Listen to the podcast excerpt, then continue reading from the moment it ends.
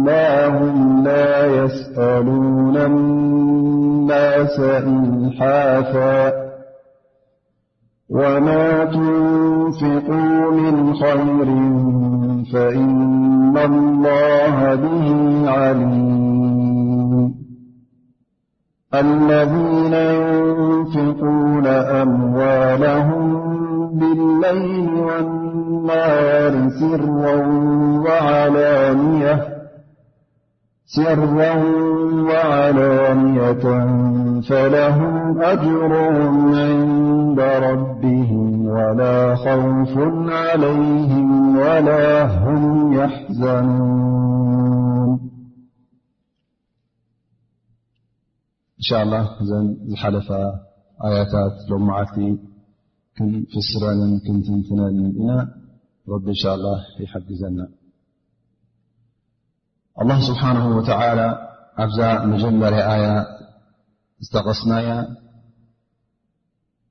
ፃውዒት የመሓላልፍ ኣሎ ንመን እዩ ፃውዒት እዙ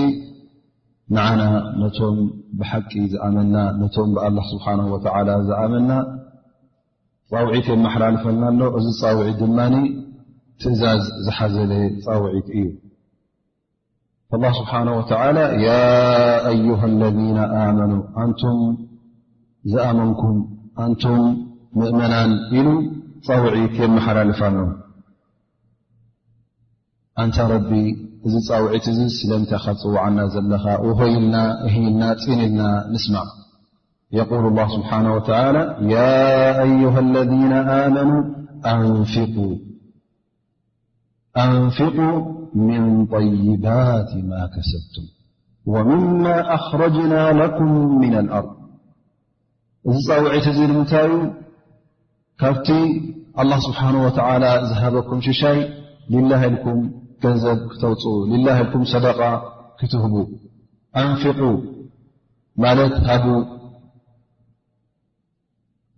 ንድኻ ንዘኽታም ንዝሰኣነ ንዝኾነ ይኹን መገዲ እስልምና ዘቐንዕ ዘበለ ናብ እስልምና ዝደፋፍ ኣብዚ ር ዘብኡ ኩሉ ኣብ ሰናይ ዘብኡ ኩሉ ናብኡ ኢንፋቅ ዝበሩ ኣብኡ ገንዘብኩም ኣውፅኡ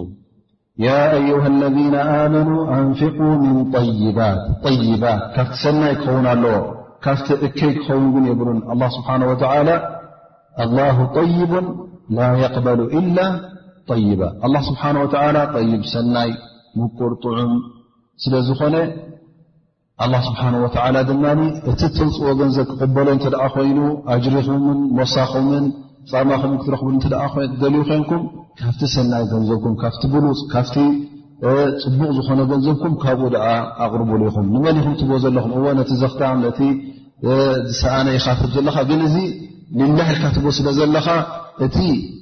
ትፅበዮ ዘለኻ ኣጅሪ ካብ ኣላ ስብሓን ወተዓላ ስለ ዝኾነ ኣላ ውን ልኡል ስለ ዝኾነ ካብቲ ልኡል ማልካ ካብቲ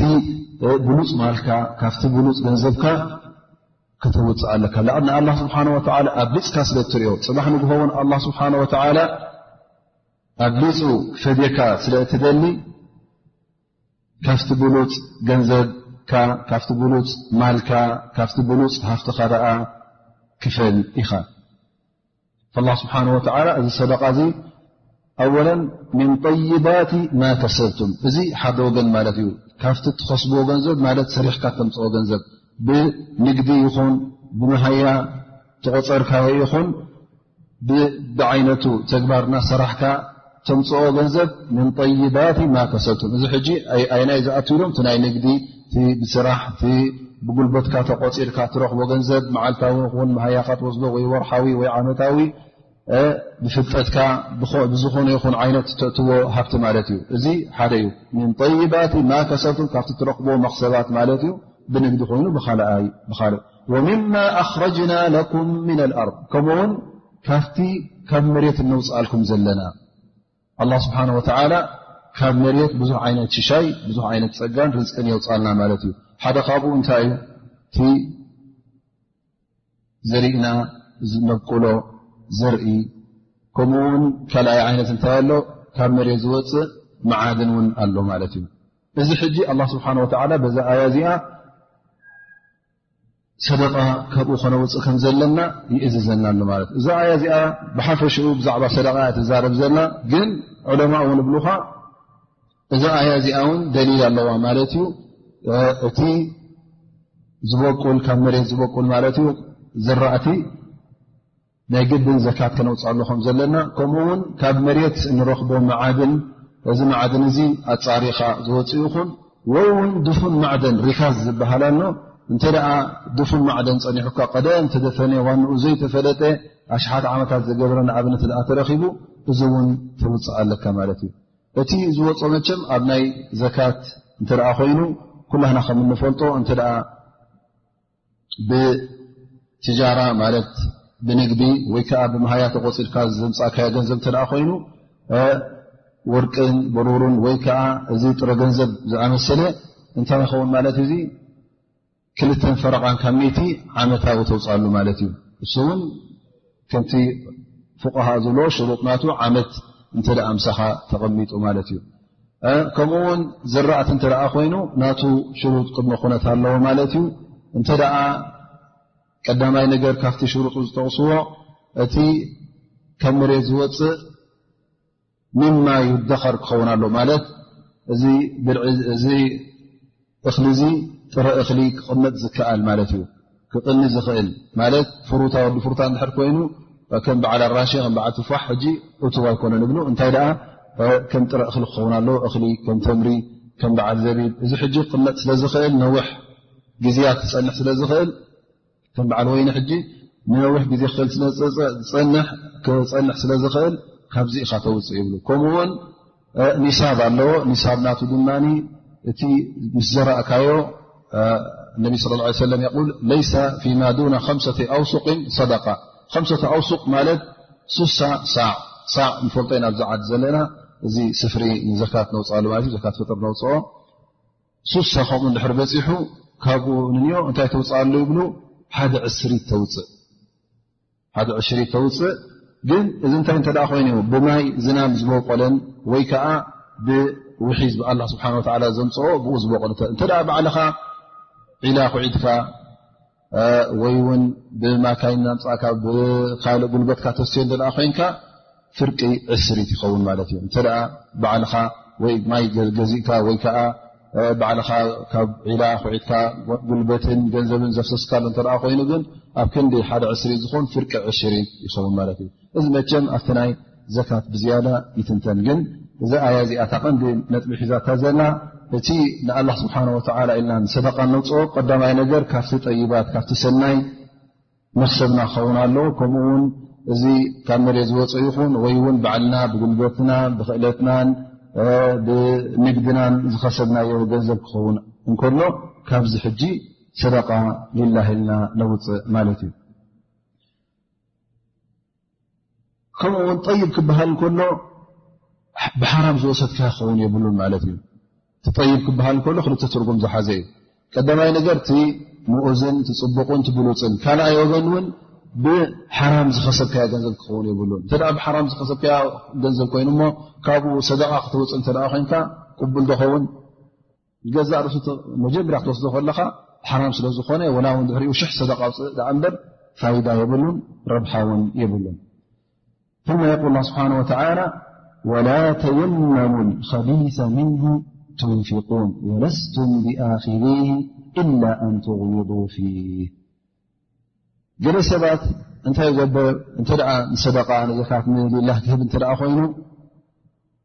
ካብቲ ገንዘቡ ምርፅ ምርፅ ኣቢሉ ነየናይ ይመርፅ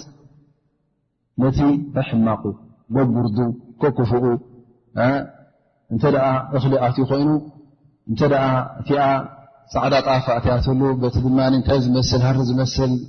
ማሸላ ኣትዩ ከሎ እንተ ካልእ ግራት ነህራቶ ኮይና ጉርዲ ሱቂላ ዘይጠቅም እተ ኣውፅኣ ካብኣ ሰደቃ ህብ ማለት እዩ ሊላህ ኢሉ ሕጂ እዚ ንመን እስኻዎ ነቲ መስኪን ኢኻ ትበ ዘለኻ እቲ መስኪን ዎ ክጥቀም እዩ ግን ሕጂ እስኻ እዚ እንታይ ኢኻ ትፅበ ዘለኻ ንሊላ ኢልካ ትህብ እተ ኣለኻ ኮይንካ እቲ ክብሪ ናይ ኣላ ስብሓን ወተላ ኣብዚ ግብርኻ ዚ ተርእዮ ዘለኻ ወይ ተርእዮ የለኻ ክብሪ ናይ ኣላ ተርእዮ ኣለኻ ማለት እዩ ምኽንያቱ ወላ ተየመሙ ከቢታ ምንሁ ትንፍቁን ተየመሙ ኣይ ተዕመዱ ንዕኡ ደይ መደይ ኢልኩም ነቲ ሕሕማቑ ርእ ኣቢልኩም እዚ ንሌላ ኢልኩም ክተውፅኡ የብልኩምን እንተረኣናዮ ኣብቲ ባህልና እውን ኣብቲ ተግባራትና እውን እዚ ኣብ ኩላህና ዘሎ ክኸውን ይኽእል እዩ መስኪን እንተ መፅ እኳ ለማና እተ መፅኡ እንታይ ካ ቲ ትርፍራፍ ኣብ ክንዲ ዝጉሓፍ ኢልካ ንለማና ይሃቦ ኣብ ክንዲ ዝጉሓፍ ንለማና ይሃቦ ማለት ሕጂ ስኻ ሌላ ኣይኮነን ኣብ ክንዲ ዝጉሓፍ ግን ከጠቀሙሉ ኢልካ ትሂፋ ኣለኻ ማለት እዩ ግን እንተ ብሓቂ ዘካት ኮይኑ ሰደቃ ኮይኑ እንተ ንሌላ ኢልካ ተውፅእ ኣለካ ኮይንካ ልክ ከምቲ ኣእቲኻዮ ዘለኻ እንተ ብዝያዳ ኣጅሪ ገሪካሉ ኮይንካ ግን ካብቲ ዝበለፀ ገንዘብካ ኣ ስብሓ ይል ለን ተናሉ ብራ ሓታ ትንፍቁ ምማ ትሕቡን ካብቲ ደስ ዝብለካ ማልካ ካብቲ ትፈትዎ ማልካ ካብቲ ከብኢልካ ክወፅ ዘይደልዮ ማል ካብኡ ክትህብ ኣለካ እምበርእትስ ካብ ዝጓሓፍ ኢልካ ወይ ውን ካብ ሱቕ ኢሉ ዝጠፍእ ኢልካ ኣነ ይጥቀመሉ ኢልካ ድሕር ክትህብ ኮንካ እዚ እወት መስኪን ይጠቀመሉ ላኪን እቲ ካብኡ ዝመፀካ ኣጅሪ እውን ኣዝዩ ድኹም ዩ ማለት እዩ ግን ካብቲ ሰናይ ገንዘብካ ካብቲ ብሓላል ዝኸሰብካዮ ገንዘብ ካብቲ ብሉፅ ብሉፅ ገንዘብካ እሞ ከዓ እንተ ጥሪት ኣለውሃ ኮይነን ኣይነተን ተን ዝበለፃ ወይ ከዓ እንተሓመቐስ ካብተን ማእከሎት ኢልካ መሪፅካ መሪፅካ ንዐዐን ሌላሃልካ ትህብ እኽሊ እንተ ኣለካ ኮይኑ ካብቲ ዘእተኻዮ እኽሊ ልክዕ ከምቲ ኣላ ስብሓን ወላ ዝሃበኒ ኣነ ልክዕ ከምኡ ገይረ ይህብ ኢልካ ካብቲ ኣላ ስብሓን ወላ ዝሃበካ እዚ እዩ እቲ ዝበለፀን እዚ እዩ ዝኸፍአን ኢልካ መሚኻ ነቲ ፀፅቡቑ ንዓኻ ወሲድካ ነቲ ሕማቕ ሰደቃ ክተውፅእ ከለካ ግን እዚ ነቲ ናይ ሰደቃ ነገር መኣዝኡ ይፈለጥካን ኣለኻ ማለት እዩ ናይ ኣላ ስብሓን ወላ ክብረት እውን ኣብ ልብኻ ገና ይሓደረካን ኣሎ ማለት እዩ እስኻ ጥራይ እንታይ ኢኻ ትርኢ ዘለኻ ኣነ ንዓይ እንታይ ይትረፍኩ ዝበለፀ ንዓይ ይትረፍ እናበልካ ንዓኻ ክተርፍ እንከሎ ግን እዚ ትጋገ ኣለኻ እቲ ዝተርፍ ኣይና እዩ ብሓቂ ኣይና እዩ ዝተርፍ ትትቦ ዘለካ እዩ ተራፊ እበረ እቲ እስኻ ተወስቶ ተትርፎ ዘለካ ሕጂ ሎም መዓልቲ በሊዕካዮ ፅባሕ ንግሆ ንቐልቀል ክኸይድ እዩ ግን ትግራይ ብሓቂ ተራፊ እተ ኮይኑ እቲ ንዓኻ ብሓቂ ክተርፈልካ ትሓስቦ እተ ኣለካ ኮይንካ እቲ ሕጂ ንሚላሂ ኢልካ ትህቦ ዘለኻ ማልን ንሚላሂ ኢልካ ተውፅኦ ዘለኻ ገንዘብን እዩ ከምቲ ዝበልናዮ ፈኢና ላሃ ጠይቡን ላ የቅበሉ ኢላ ጠይባ ذ ላ ስብሓ ኣብዚ ኣያ ወላ ተየመሙ ከቢث ምንሁ ትንፍቁን ወለስቱም ብኣክذ እወ እስኻ ብ መዓልቲ ንንያ ኢልካ ተውፅኣ ዘለኻ ካብቲ ዝኸፍአ ገንዘብ ተውፅእ ኣለኻ ግን ንኣብነት እስኻስ ሓደ ሰብ እኽሊ ይኹን ጤል ይኹን በጊዕ ይኹን ኣለቂሕካያ ነርካ ወይ ገንዘብ ን ኣለቂሕካያ ነርካ እሞ እዚ ሰብ እዚ ክመልስልካ ከሎ እንተ ካብቲ ዝሃብካዮ ቅሩብ ትሕት ዝበለ ዓይነት እኽሊ ፃዕዳ ጣፍ ይብካዮ ካብቲ ቀይሕ ጣፍ እሃበካ ንታይ ትብሎ ትቕበሎ ዶ ኣይትቕበሎን ክትቕበሎን ኢኻ ምኽንያቱ ኣዲሉልካ ስለ ዘሎ ወላ እውን እተ ሓደ ሰብ ውን ሃድያ ከምፃልካ እተ ኮይኑ ላ ውን ንዓኻ ክበካ እተ ኮይኑ ካብቲ ዝኸፈአ እቶት እተ ሂቡካ ነዚ ሰብ እዚ ወይ ክትኣብዮ ከይትቕበሎን ኢኻ ወይ ክትቅበሎ ከለኻ ድማ ሸለል ኢልካዮ ማለት እዩ እና ኣንትጉም የዱፊ ከምዚ ዓይነኻ ሸለል ትብሎ ከምኡ ኢልካ ድሓር ኢልካ መታን ከይኩሪ ገለመታት ኢልካ ክትቅበል ኢላ ከምዚ ዘይኮይኑ እስኻ ውን ገዛእ ርእስኻ ይትቕበል እሞ እስኻ ዘይትቕበሎስ ከመይ ገርካ ረቢ ዓለሚን ስብሓ ወ ክቕበለየለ ኢልካ ኣላ ስብሓን ወተላ እዚ ኩሉ ሽሻይ ሰናይ ፀጋ ሂቡካ እንከሎ ካብቲ ዝሃበካ ክንድትህብ መመሚኻ ንኣላ ስብሓን ወተዓላ እቲ ዝኸፍአን ዝሓመቐን ተቕርበሉ እብኒ ጀሪር ኣጠበሪ ረ ላ ን ራማ ላ ዝበሃል ፈስር ብዛዕባ እዛ ኣያ እዚኣ ክጠቅስ እንከሎ ይብል ኣብ ግዜ ነቢና ሓመድ ለ ላ ለ ወሰለም እቶም ኣንሳር ነቢ ለ ላ ለ ወሰለም ህዝቢ ኣብ መዲና ዝነበሩ እስላም ማለት እዩ እሶም ኣብቲ ግዜ ተምሪ ዝቁረፀሉ ኩሉ ግዜ ካብቲ ተምሮም ቁሩፅ ቁሩፅ ኣቢሎም ኣምፅኦም ካብቲ ጉንቦታት እንታይ ገብሩ ነሮም ማለት እዩ ኣብ መስጊድ መፅኦም ኣብኡ ይሰቕልዎ ነይሮም ማለት እዩ ካፍቲ ወይ ተምሪ ካብ ሩጠብ ማለት እዩ ወይ ከዓ ካብቲ ሸዊት ተምሮም ኣብቲ መስጊድ መፅኦም ይሰቕልዎ እቲ መስኪን መፅእ ገንዘብ ዘይብሉ መስጊድ እዮም ዝበሉ ነይሮም ቀንጢቡ ቀንጢቡ ይበልዕ ማይ ሸትዩ ሓምዱላ ይፀግብ ነይሩ ማለት እዩ ገለ ሰባት ግን ካብቶም ካብኦም እውን እዚ ንላህ ዝመፅእ ከምፅኡ ከለዉ ካብቲ ተምሮም እውን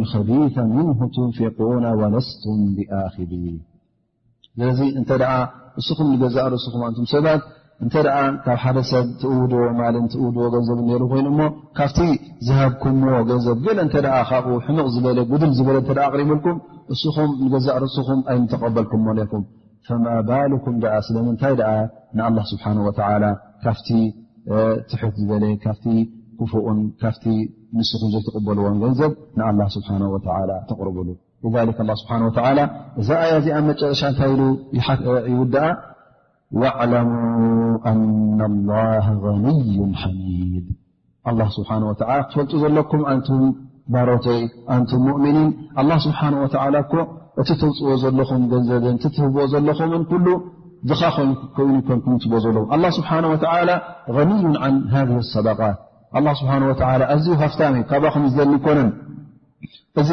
ትእዛዝ ክእዘኩም ከሎ እዚ ናይ ሰደቃ ክእዘኩም ከሎ ኣላ ስብሓን ወተላ ኑን ዓንሃ ኣድልያቶ ንኡ ኣይኮነትን ንኡ ክዕንገለላ ኣይኮነን ንኡ ክበልዓ ኣይኮነን ግን ንመን ዩ ዳ ንዓኹም ን ስብሓ ካል ኣያ ው እተርእና ብዛዕባ እድሕያ ወይ እውን ኣብቲ ኣብ ሓጅ ዝግበር ሃዲ ማሕረድቲ ዝግበር ቁርባን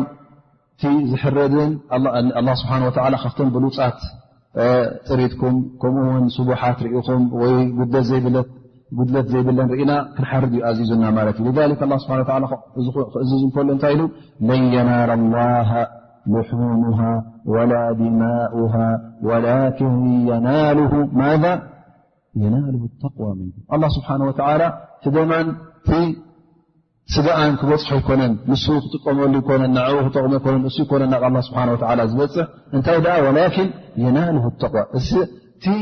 ናካ ፍርሃት ረብን እቲ ኣኽብሮት ናይ ኣላህን ልኡለት ኣላህን ክሳዕ ክንደይ ከም ምኳኑ ኣበይ ይረአ ማለት እዩ ኣብቲ ንገፀ በረከት ኢልካ ተቕርቦ ዘለካ ንኣላ ኢልካ ትቕርቦ ዘለካ ቁርባን ኣብኡ ይረአ ኣሎ ማለት እዩ ዝሰበሐን ዝዓበየን ኣምፅእካ ክትሓርድ ከለኻን ሓንቲ ድኽምትን ከለካ ማለት ዘይብሉ እኮ የብሉን ግን ኣነ ኣላ ስብሓን ወላ ርዝቂ ሂብኒ ከሎ ሽሻ ሂብኒ ከሎ ኣብ ክንዲ ሓንቲ ከምቲ ኣላ ስብሓን ወላ ኣፅጊብኒ ዘሎ እሞ ከዓ ሓንቲ ዓይኒ ትፅግብኒ መቶም መሳኪን ትፅግብን ርአ ካብተን ጥሪተ ይኹን ወይ እውን ገዜ ንኦም ክንዝሓር ዘሎም እታ ዝሓመቐት በጊዕ ወይከዓ እታ ዝሓመቐት ላም ኣምፅአ እዚኣ ንልላ ኢለ ክሓርዳ ከለኹ ሕጂ እንታይ ኣለኹ ማለት እዩ እቲ ክብረት ናይ ኣላ ስብሓን ወተላ ኣብ ልበይ ዓብ ክብረት ኣይኮነን ውደት ከም ዘለኒዮ ዝርኢ ዘለኹ ኣ እምበር ካል ኣይኮነን ስለዚ እቲ ተቕዋናካ ዩ ዝርአ ዘሎ ኣ እምበረይ እቲ ስጋን እቲ ገንዘብን ተውፅኦ ዘለካ ናብ ኣላ ስብሓን ወተላ ክበፅሕ ኣይኮነ ኣላ እውን ዝገንዘብካን እዚ ተሓብሮ ዘለካ ስጋን ኣድልዎ ኣይኮነን ንኡ ንክኾኑ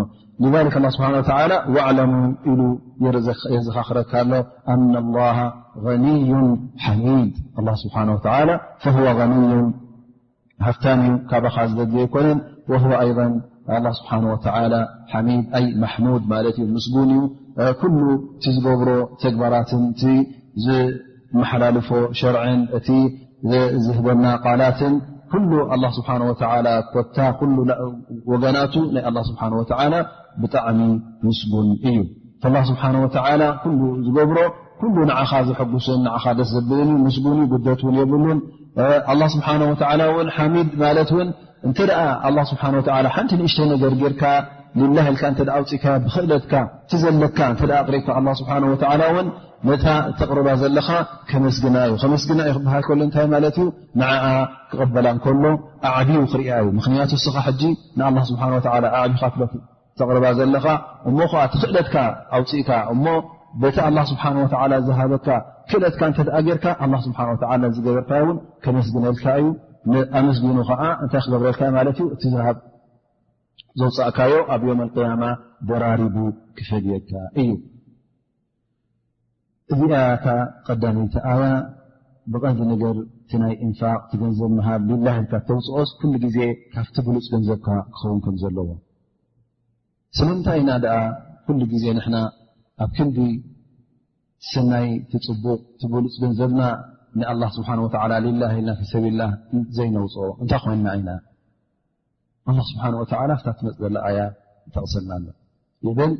يقول الله سبحانه والى الشيان يعدكم الفقر ويأمركم بالفحشاء والله يعدكم مغفرة منه وفضلا والله واسع عليم ኣሸይጣን የዒድኩም ልፈቅር ኣይ ይኸውፍኩም ኩሉ ግዜ ሸይጣን ክተውፅእ ከለኻ ንሌላ ኢልካ ክተውፅ ክትሓሰብ ከለኻ እዚኣስ ዘካት ክህባ እዚኣስ ንመስኪን ክባ እዚኣስ ሓደ ዘመደይ ድኻ ኣሎ ሓደ ሓወይ ድኻ ኣሎ ሓደ ከምዚ ኢልካ ክትሓስብ ከለኻ ሸይጣን እንታይ ይብለካ ባእ እዞም ደቅኻ ዳኣ እንዳ ክትገድፈሎም ፅባሕ ንግሆ ስራሕ ተውፅኡኻ ከ መሃያኻ ንስኻ ደይ ክንዲዚኤን እየን ክስቶ ትሪኦን ዶ ኣለኻ ንሱ ካባኻ ብዝያዳ ገንዘብ ዝያዳ መሃያ እናወሰደ ከሎ ወላ ሓንቲ ዘወፅእ ስለምንታይ ንስኻ ዝያዳ ካብኡ ከተውፅእ ትፍትን ኢሉ ተዃትኾካ ማለት እዩ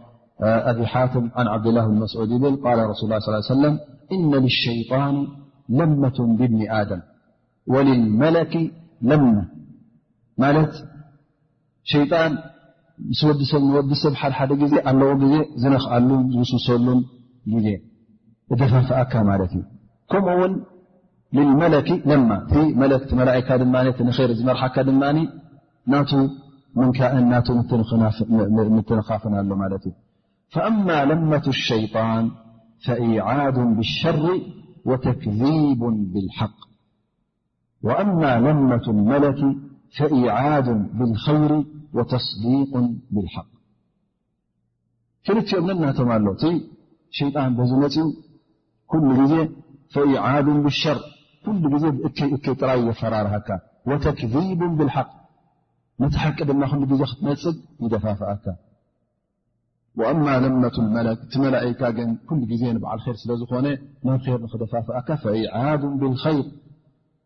ወተስዲቁን ብልሓቅ ኣንፃሩ ማለት እዩ ኩሉ ግዜ ር ከም ዘሎ ሰናይ ናብኡታት ይደፋፍኣካ ማለት እዩ ከምኡ ውን ሓቂን ቁኑዑን ክኸውን ከሎ ድማ ንዑ ቀጥ ኣቢልካ ክትሕዞን ብኡ ንክትኣምንን ድማ የተባብዓካ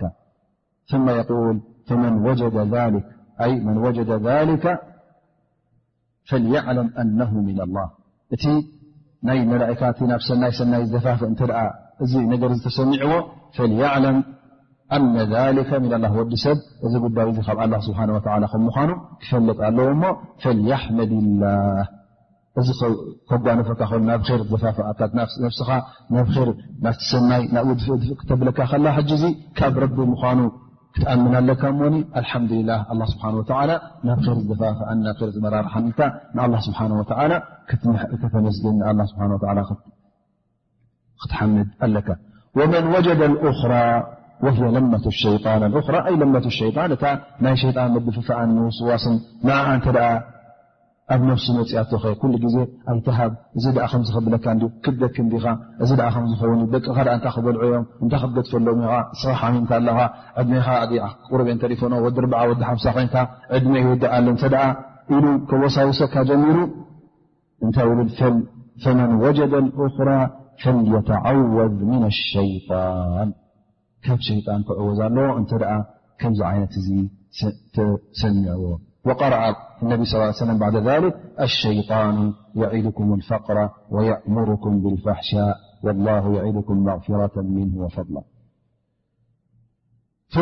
ሸይጣን ቀዳማይ ነገር በቲ ድኽነት የፈራርሃካ ምእንቲ ካብቲ ኣላ ስብሓን ወተላ ዝሃበካ ፀጋይን ሽሻይን ንልላይካ ከይተውፅ ከይትህብ ካብቲ ኣላ ስብሓን ወተላ ዝፈትዎ መንገዲ ንኽትርሕቕ ወየእሙሩኩም ብልፋሕሻ እንደገና እውን ጥራይ ከምዘይኮነን ኣብ ርእሲኡ እውን እከይ ንኽትገብር፣ ማዕስያ ንኽትገብር፣ ሓራም ንኽትገብር፣ ረቢ ዘይፈትዎ መገዲ ሒዝካ ንኽትከይድ እውን ይደፋፍኣካን ይእዝዘካን። ስለዚ ካብ መገዲ ኸይር ይዓፅወካ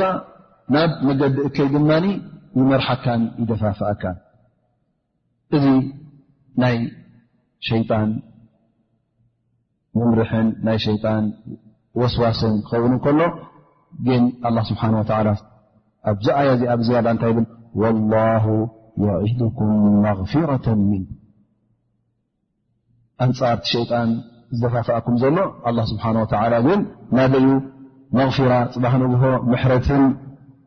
ጀናን ከም ዘሎ ኣላ ስብሓን ወተዓላ ቃል ኣትልኩም እዩ እንተ ደኣ ኣንቱም ባሮተይ በቲ ኣነ ዝብለኩም ዘለኹ መገዲ ከትኩም በቲ ኣነ ዝሓበርክኹም መገዲ እንተ ደኣ ከትኩም ፅባሕ ንግሆ መገዲ መቕፊራን መገዲ ምሕረትን ሒዝኩም ስለ ትኸዱ ኣለኹም ፅባሕ ንግሆ ንጀና ክትኣትወ ኢኹም እቲ ኣላ ሒዙልኩም ዘሎ ድማ ወላሁ ዋሲዑን ዓሊም ኣላ ስብሓን ወተዓላ ድማ ብጣዕሚ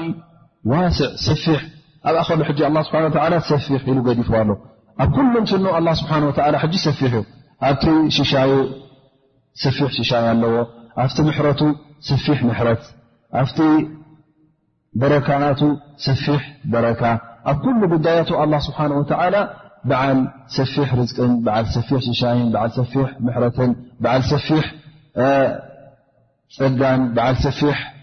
እቲ ጽባሕ ንግሆ ዝጽበየካ ዘሎ ኣብ ጀና ዝጽበየካ ዘሎ ሞሳ ዝጽበየካ ዘሎ ጻማ ብጣዕሚ ሰፊሕን ዓብን ከም ምዃኑ ኣላ ስብሓን ወተላ ኣብዚ ኣያ እዚኣ ይጠቕሰካ ኣሎ ወላሁ ዋሲዑን ዓሊም ከምኡ ውን ኩሉ እትገብርዎ ዘለኹም ኣላ ስብሓን ወተላ ይፈልጦ እዩ ካብኡ ዝሕባእ የለን እንተ ተውፅኦ ዘለካ ገንዘብ ካብቲ ሰናይ ገንዘብካ ካብቲ ብሓላል ዝኸሰብካዮ ካብቲ ፅዑም ካብቲ ምቁር ካብቲ ምኡዝ ካብቲ ልኡል ገንዘብካ እንተ ኮይኑ ኣላ ስብሓን ወተዓላ ይፈልጦ እዩ ሰብ ውን ምናልባሽ ኣይፈልጦ ንኸውን እስኻ ግን ካብ ምንታይ ከም ተወፅ ዘለኻ ትፈልጦ ኢኻ ኣላ ስብሓን ወተላ እውን ይፈልጦ እዩ ዝሕብኦ የለን እንተ ደኣ ካብቲ ሕማቕ ገንዘብ ካብቲ ዝበእሰ ካብቲ ብሓራም ዘእተኻዮ ገንዘብ ካብኡ እንተ ደኣ ኮይኑ ግን ኣላ ስብሓን ወተዓላ እውን እዚ ነገር እዚ ኣጥቢቑ ይፈልጦ እዩ ስለዚ ካብ ኣላ ስብሓን ወተዓላ ዝሕባእ ነገር ስለ ዘየለ ተጠንቀቕ እቲ ንልላ ኢልካ ንኣላ ኢልካ ስብሓን ወተዓላ ተውፅኦ ዘለኻ ክሳዕ ክንደይ ልኡልን ክቡርን ገንዘብ ምዃኑ ጥምቶ ረኣዮ ተዓዘቦ እዚ ምኽንያቱ ክብረት ናይ ኣላህን እቲ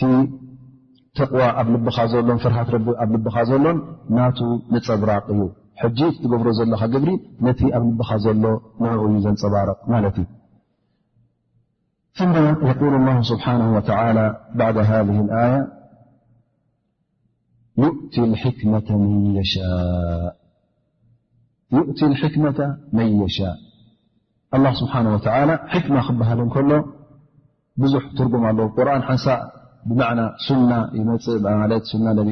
ሙሓመድ ለ ላ ለ ሰለም ብዛዓበየ ድማ ፍልጠትን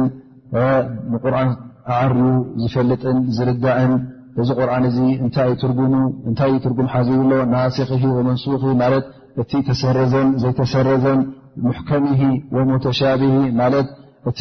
ሓንቲ ትርጉም ጥራይ ዘላቶን እቲ ብዙሕ ትርጉም ዝሓዘለን ይፈልጥ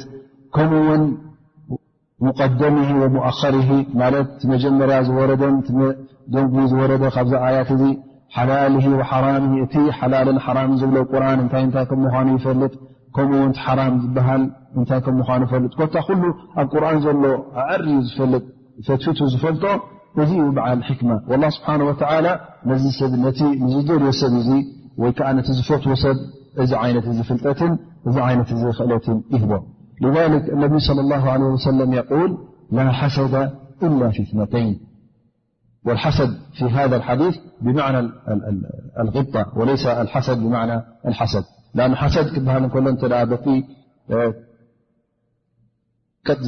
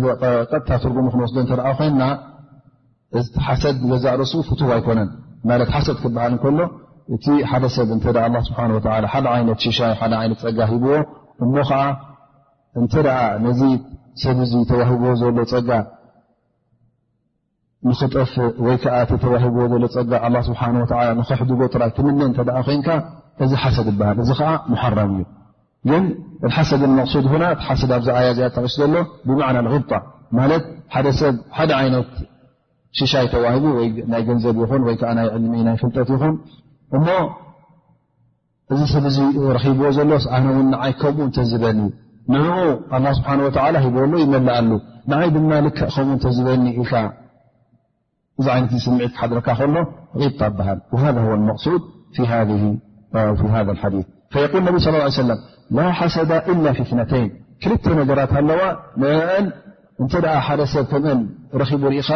أنت رب ني كم هذا املك ممن تدلل ملت يقول رجل آتاه الله مالا فسلطه على هلكته في الحق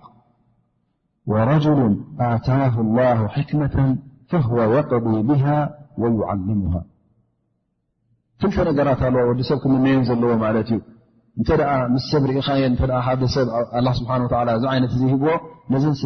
ነዘን ክልተ ነገራት እዚአን እንተ ኣንተ ረቢ ከምአን ሃበን ኢልካ እ ተመኒኻዮ እዚ ፍትው ይኸውን ማለት እዩ እሳ እንታይ እታ ቀዳመይቲ ረጅሉን ኣታ ላ ማል ሓደ ሰብኣይ ወይ ሓደ ሰብ ኣላ ስብሓን ወተላ ገንዘብ ሂብዎ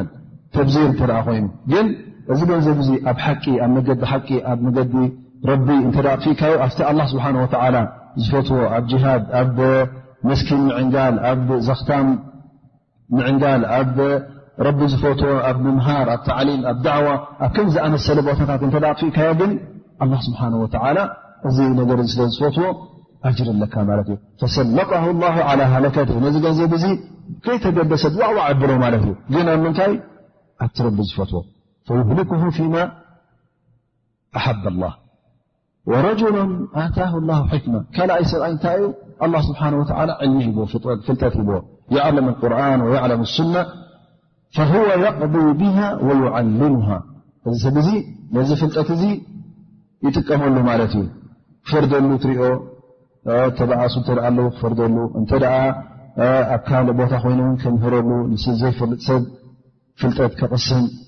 ዳዕዋ ንኽህብ ካብቲ ኣላ ስብሓን ወላ ሂብዎ ዘሎ እዚ ዓይነት እውን ሽሻ እዩ ማለት እዩ ሓደ ዓብ ርዝቂ እዩ ዝብል ገዛእ ርእሱ እቲ ዝዓበየ ርዝቂ እውን ካብ ናይ ገንዘብን ካብ ናይ ጥዕናን ዝዓበየ ርዝቂ እንታይ እዩ ኣልዕል መን ዩሪድ ላ ብ ይራ ዩ ልማል ዩ ዘውጀ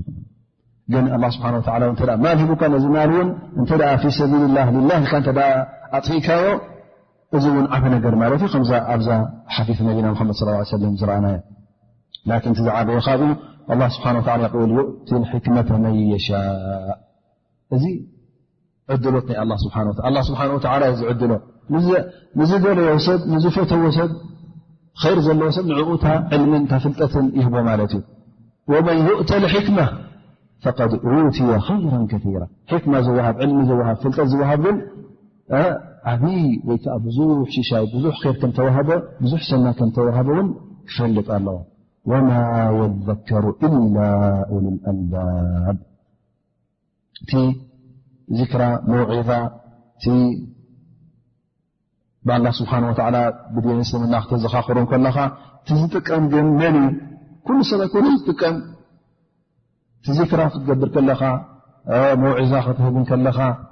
ነሲሓ ክትህብ ከለኻ ተጠንቀቑ ክትብል ከለኻ መገዲ ረቢ እዙ ዩ መገዲ ሸይጣን እዙ ዩ ካብ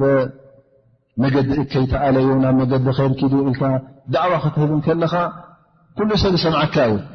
እዚ ኣለዎ ግን መን እዩ እቲ ዝጥቀም መን እዩ ብዝያዳ በዚ ዘረበኻን በዚ ዝሃብካዮ ምኽርን ዝጥቀም እቶም ኡሉል ኣልባብ እቶም ልቢ ዘለዎም እቶም ኣእምሮ ዘለዎም እቶም ዓቕሊ ዘለዎም እቶም ንዓይ ጠቕመኒ ዩ ይገድኣኒ ዩ ኢሎም ዝመንኡ ሰባት ኣላ ስብሓን ወተላ ኣእምሮ ዝሃቦም እሶም እዮም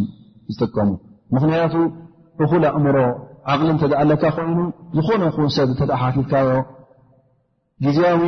ሽሻይ ግዜያዊ ሃብቲ ዘሕሸካ ወይስ መዋእላዊ ጥዕናን መዋእላዊ ሃብትን መዋእላዊ ሽሻይ እንተበልካዮ እንታይ ይብለካ ዓየነ መዋእላዊ ዶ ከድሊ ወይ ግዜያዊ ከምዚ ኢልካ ተሓተትካ መዋእላዊ ዝደሊ ለካ ኩሉ ወላ ኣስላማ ይኹን ላ ካፍር ኩሉ ኣእምሮ ዘለዎ ሰብ እንስሳት ዘይኮይኑ ዓቕሊ ዝሃቦ ሰብ ዓይና ይመርፅ ቲ መዋእላዊ ግዜያዊ ኣ ከላስ ክሓልፍ እን እሞ ኣነ ቲ መዋእላዊ ሃፍትን መዋእላዊ ሽሻይን መዋእላዊ ኢሉ ይምልሰልካ ማለት እዩ እዚ ሕጂ ኣብ ሰጥ እሙር ዓቅል እ ወሓደ ዓቕሊ ዘለዎ ንእሽተ ወላ ቆልዓ ንእሽተ ዝፈልጦ ማለት እዩ ግን እንተ እስኻ ኣብቲ ብግብሪ ክትርአ ከ ሓደ ግዜ ነቲ መዋእላዊ ሃብትን ነቲ መዋእላዊ ሽሻይን ንዕማን ብምንታይ ትሸጦ በቲ ግዜያዊ ንዕማ በቲ ናይ ኣዱንያ ተኸዲዕካ ብኡ ተቐሽሽካ ትጠፍእ ማለት እዩ ስለዚ ዓቕልኻ ንኣእምሮኻ ኣይትጠቕምካሉም ማለት እዩ ወላ እውን ዓቕሊ ይሃሉካ ኣ በር ኣብዚ ርእስኻ ኣእምሮ ይሃሉ ዳኣ እምበር ስለ ዘይተጠቐምካሉ ዓቕሊ የብልካን ማለት እዩ ኣእምሮ የብልካ ذሊክ መን እዮም ቶም ዝጥቀሙ ይብል ኣላ ስብሓን ወተላ ወማ የዘከሩ ኢላ ኡሉ ኣልባብ ቶም ልቢ ዘለዎም ቶም ዓቕሊ ዘለዎም ቶም ዝርድኡ ቶም ዝፍህሙ ኢሉ ኣላ ስብሓን ወተላ ይሕብረና ማለት እዩ ثመ የቁል ላ ስብሓን ወተላ وما أنفقةم من نفقة أو نذرةم من نذر فإن الله يعلمه وما للظالمين من أنصار الله سبحانه وتعلى كل تዎ نب تፅዎ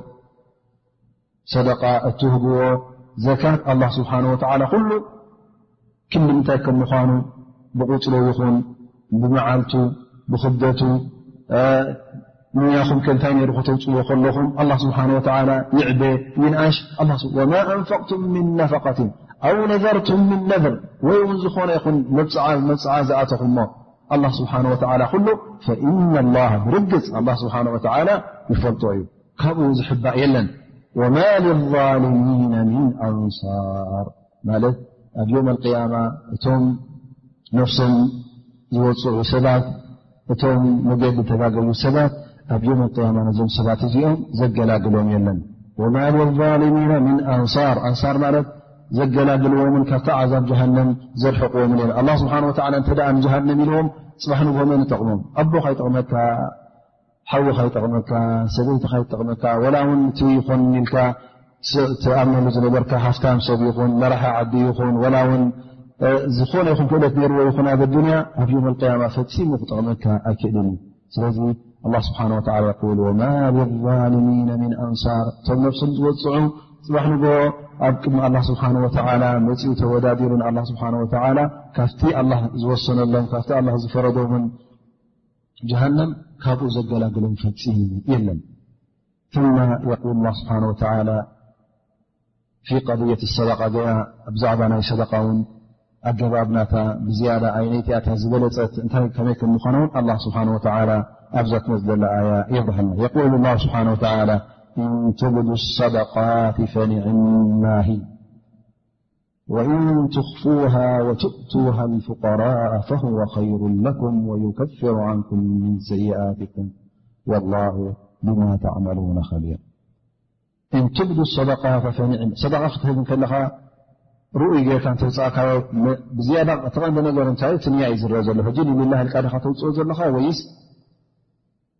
ካልእ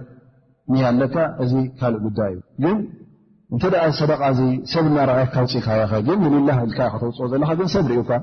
ኣብ ቅድሚ ሰብ ብሓደ ሓደ ግዜ ክትህብ ኢኻ እተ ሓደ ለሚኑካ ሃበኒ ሽግር ኣለኒ ብ ቅድሚ ሰብ ኮይኑ ሂብካዮ ወይ እውን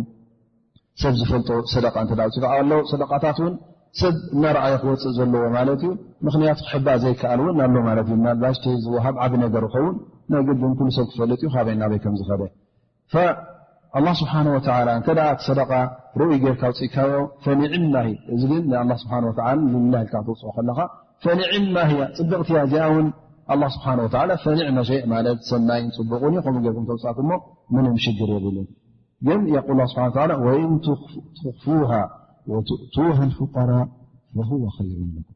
እቲ ዝበለፀ ግን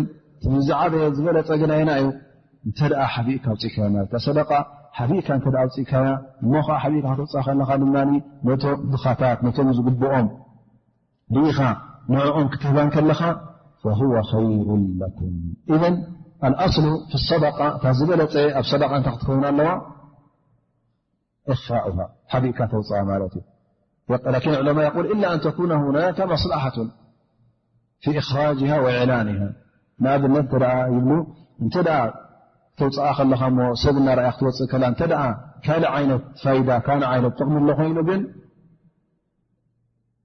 እታ ዝበለፀት እናርኣኻ ሰብ እናርኣ ክትወፅእ ኣለዋ ይብሉ እዚ እንታይ እተ ኮይኑ ይብሉ እንተ እዚ ሰብ እዚ ንዑ ማለት ኣብ ዓዲ ፍሉጥ ሰብ ውሩይ ሰብ እሞ ከዓ እንተ ንዕኡ ሪኦም እቶም ህዝቢ ንኡ ዝኽተልዎ ኮይኖም የቕተዱና ብሂ ኣብዚ እዋን እዚ ብሰዓት እዚ ሰብ እዚ ሰብ ዝርኣ ገይሩ ከውፅኣ ከሎ እቶም ሰባት ሕጂ ፍላን ከውፅኡ ኢሎም ምናልባሽ እሱ ሽማግለ ዓዲ ክኸውን ወይ ከዓ መራሒ እሞ ስለ ዝገበሮ ዝገብሩ እተ ኮይኖም ዝበለፀ ዚ ሰብ እዚ ብርኡይ ከውፅኣ ከሎ መታ ሰብ ክኽተልዎ ከመይ ገይሮ ክምፅውፅውን ንክፈልጡ እተ ደልዩ ኮይኑ ኣብዚ ሰዓት እዚ እንታይ ይኸውን ማለት እዩ እቲ ተውፅኦ ሰደቃ ሰብ ዝርኦ ቤትና ክትውፅኦ ከለካ ፅቡቕ ይኸውን ማለት እዩ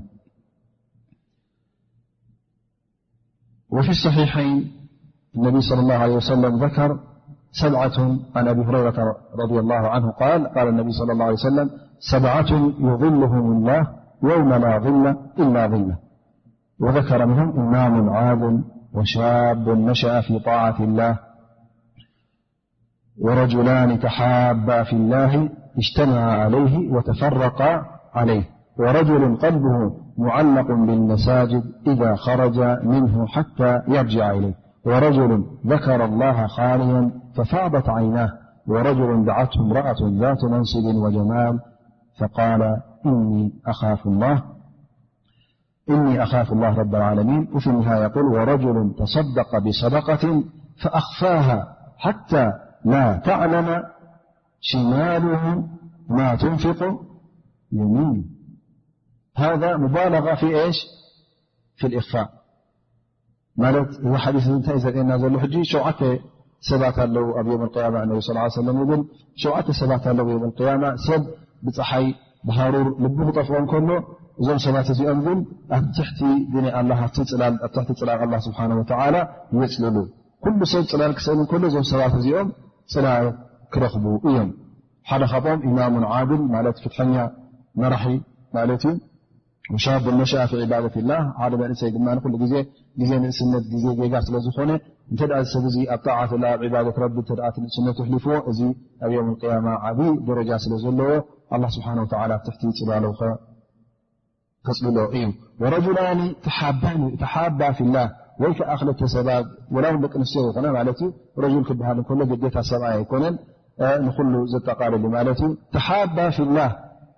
ንሊላህ ኢሎም ጥራይ እዩ ዝሳተዉ።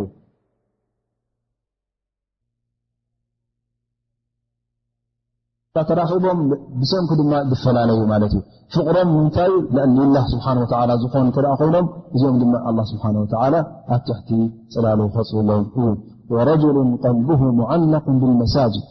ሓደ ሰብ ድማ ንኩሉ ግዜ ልቡ ጥራይ ኣብ መስጊድ ወላ እውን ደገ ካብ መስጊድ ክወፅ ከሎ መዓሰ ዝምለስ ንመስጊድ ክሰግድ ኢሉ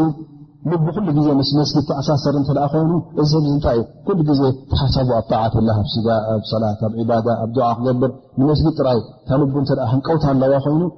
ወቀልብ ሙዓላቕ እታይ ልክዕ ልቡ ኣብ መስጊድ ተንጠልጢላ ማለት ከምዛ ተንጠልጢላ ዘላ ዘሎ ልቡ ሸቕላ ማለት እዩ ሕጂ ስኻብ ሓደ ቦታ ከለካ ልብኻ ግን ኩሉ ግዜ ኣብ ካልእ እተ ትሓስብ ኣላ ዳርጋ ትሑፍ ኢልካዮ ዘለካ ቦታ ዳርጋ ዘየለካዮ ካ ትኸውን ማለት እዩ ስለዚ ኩሉ ግዜ ልቡ ጥራይ ኣፍታ መስጊድ መዓሰ ንመስጊድ ዝኸይድ መዓሰ መስጊድ ዝኸይድ ጥራይ ስለ ዝሓስብ ኣላ ስብሓን ወተላ ወመልቅያማ ነዚ ሰብ ዚ ድናኒ ዓብ ደረጃ ይህቦ ትሕቲ ፅላሉ ወረጅሉ ዘከረ ላ ካልያ ተፋضት ዓይና እዚ ሓደ ሰብ ድማ በይኑ ሰብ ዘይብሉ ቦታ ኮፍ ኢሉ ከሎ ንኣላ ስብሓን ወላ ዘኪሩ ፍርሃት ረቢ ሓቢርዎ እሞ ብፍርሃት ረቢ ዝኣክልን ንጀና ድልት ሃንቀውታ ብምህላውን ኣዓይንቱ ጠረብረብ ዘበለውን ኣላ ስብሓን ወላ ዝሰብ እዙ ምእንቲ ሰብ ስለ ዘይነበዐ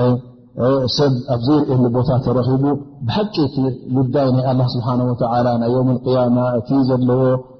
ኩነታት ርኡ እቲ እሱ ግደስ ዝገብሮ ዘሎ ኩሉ ርኡ ነዚ ኩሉ ተዓዚቡ እሞ ከዓ ኣብ ጌጋ ከም ዘሎ ተረዲኡ እሞ ዓይኑ ጠረብረቢላ ዝነበዐት እውን ኣላ ስብሓን ወላ እዚ ሰብ እዚ ብሓቂ ንኣላ ስብሓን ወላ ፈራህ ረቢ ስለ ዝኾነ ዮም ቅያማ እውን ኣላ ስብሓን ወተላ ዓብይ ደረጃ ተፅንሓሉ ሓደ ካብኡ ካብቲ ኣላ ስብሓን ወላ ዝብሎ ኣብ ትሕቲ ፅላል ኣላ ስብሓን ወላ የፅልል ማለት እዩ ዝሰብ እዙ ከምኡ ውን ወረጅልን ጃዓት ምርኣ ማለት ሓደ ሰብይ እውን እንተ ሓንቲ ዋል ኣንሰይቲ ፋሕሻ ክገብር ወይከዓ ጌጋ ንክገብር ፀዊዖ ነዛ ሰብ እዚኣ እውን ብዓልቲ ገንዘብን ብዓንቲ መዘና ብዓፉ ስልጣን ነራ ኩሉ ክእለት ዘለዋ ማለት እዩ ገለ ሽግር ከጓንፈካ ዘይትፈርሃሉ ማለት እዩ ክተሓዘ ከብለ ዘይብልካ ሽግር ከምኡውን እዛ ሰብ እዚኣ በዓልቲ ገንዘብ ክትከውን ከላ መሳ ድማ እተይ ንክትገብር ምስኣ እተ ፀዊዓትካ እሞ ኣነስ ብፈርህ ፍርሃት ረብለኒልካ እተ ካብዛ ሰብ እዚኣ ርሕቕካ እዚ ሰብ እዚ እውን ኣላ ስብሓን ወላ ኣብ ዮም ቅያማ ዓብይ ኣጅሪ ኣሎ ማ ዘከር ወረጅሉ ተሰደቃ ብሰደቃ እሞ ሓደ ሰብ ሰደቃ ልላ ከውፅእ ከሎ እዛ ሰደቃ ክውፅኣ ከሎ ፈኣንፈቃ ሃ ሰደቃ ኣንፈቃ ኣኽፋሃ ማለት እዛ ሰደቃ እዚኣ ሂቡ ሓቢእዋ ኣዋ ህብኡ ሕቡእ ስለ ዝነበረ እሞ ከዓ ተተሓባብኡ እውን ብጣዕሚ የማነይቲ ኢዱ ተውፅኦስ ክሳዕ እታ ፀጋመይቲ ከምዘይትሪኦ ማለት እዩ ክልቲኤን ብሓንሳእ እንከሎ ወላ ብልጠ ኢሉ ሂቡ ዘሎ ግን ነቢ ስለ ላ ሰለም እንታይ ዘርእየና ዘሎ እቲ ምሕባእ ናትስ ብጣዕሚ ሕቡእ ከም ዝነበረ እቶም ዝፈልጥዎ ሰበይቱ ይኹን ደቁ ይኹን ቀረባ ቀረባ ዘለዉ ንስም ከይፈለጡ ዘውፅኦ ገንዘብ እዚ ሰብ እዚ እውን ዓብይ ኣጅሪ ከም ዘለዎ ካብቶም ኣላ ስብሓን ወላ ኣብ ዮም ቅያማ ኣብቲ ግዜ ሃሩር ኣብቲ ግዜ ፀሓይ ኣላ ስብሓን ወ ኣብቲ ፅንፅላሉ ከፅሎም ኢሉ ነዚ ተጠቂሱ ዮ ስለምንታይ ዘርእየና ዘሎ እቲ ኣልኣስል እቲ ዝበለፀ ሰደቃ ክትህብ ከለኻ ሌላህልካ ገንዘብ ከተወፅእ ከለኻ ሓቢእካ ከተወፅእ ኣለካ ዳኣ እምበር ረኣዮ ስ ንወይ ናብልካ ክተውፅእ ብልካ ش እዩ الله سنه وى يول إن تجد الصدقات فنعمه وإن تخفوها وتؤتوها الفقراء فهو خير لكم ل ويكثر عنكم من سيئتكم عجركم الله سبحانه وتلى እቲ ዘንብታትኩም ኩሉ ይሓፅበልኩም ኩሉ ዘንብታትኩም ውን ይስርዘልኩም ወላሂ ብማ ተዕመሉና ኸቢር ኣላ ስብሓን ወተዓላ ኩሉ እትገብሮ እውን ኣጥቢቑ ኣዝዩ ይፈልጦ እዩ ኩሉ ነገራት እትገብርዎ ዘለኹም ካብኡ ዝሕባእ ኣይኮነን ዝሕባእ ነገር እውን የለን ፈሊጡን ርኡን እውን ኣላ ስብሓን ወተዓላ ፅባሕ ንግሆ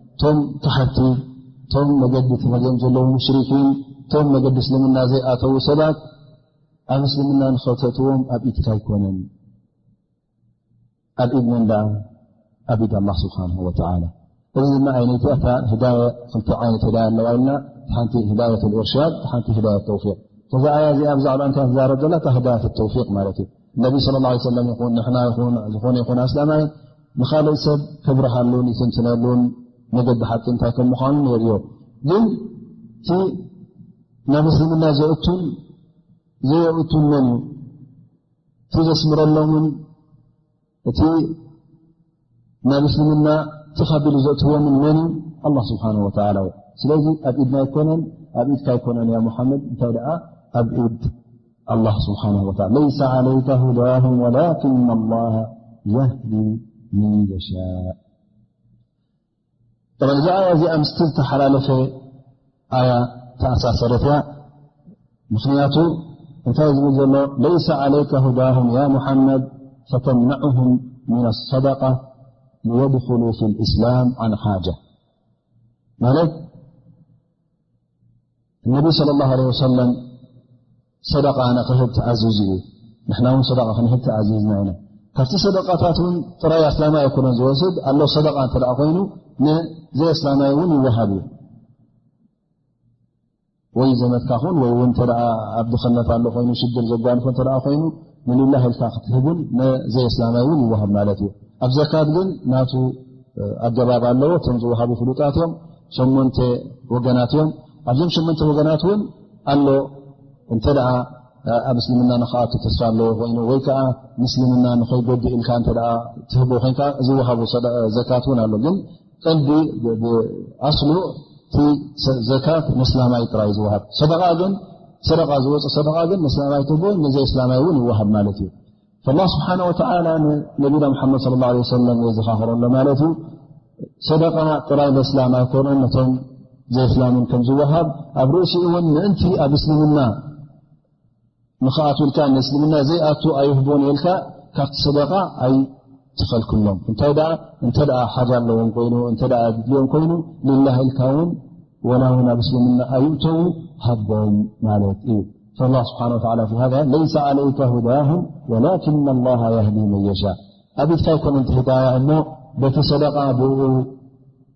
ንእስልምና ንኸተእትዎም ኢልካ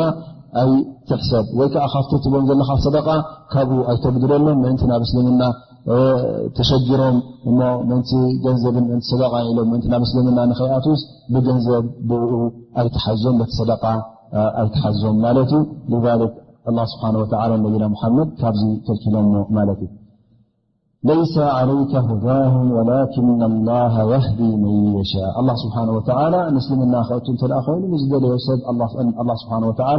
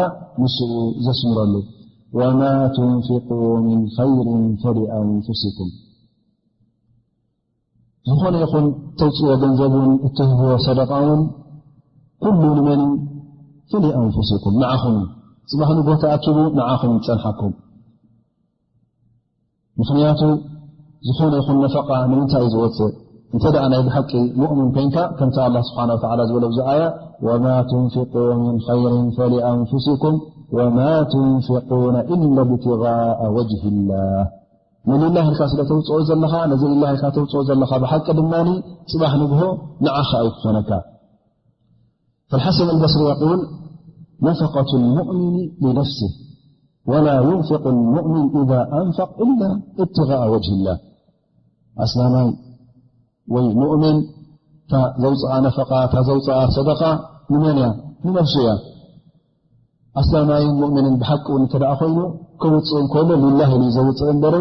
ንኽሪኡኒ ንኽሰምዑኒ ንኽፈትውለ ኢሉ ዘውፅእ እውን ኣስላማይ ወይ ከዓ ሙእምን ክህሉ የብሉን ናይ ብሓቂ ሙእምን እተ ኮይኑ ንሊላህ ኢሉ እዩ ዘውፅእ ምኽንያቱ ገንዘብን ኣጅርን ክኸስር ኣይኮነን እንተ እዚ ገንዘብ እዚ ንኽሪኡኒ ንክፈልጦ ኢልካ እተ ኣውፅእካዮ እቲ ገንዘብካ ኮንቱ ከይዱ ማለት እዩ ፅባሕ ንግሆውን ኣጅሪ ኣይክትረኽበሉን ኢኻ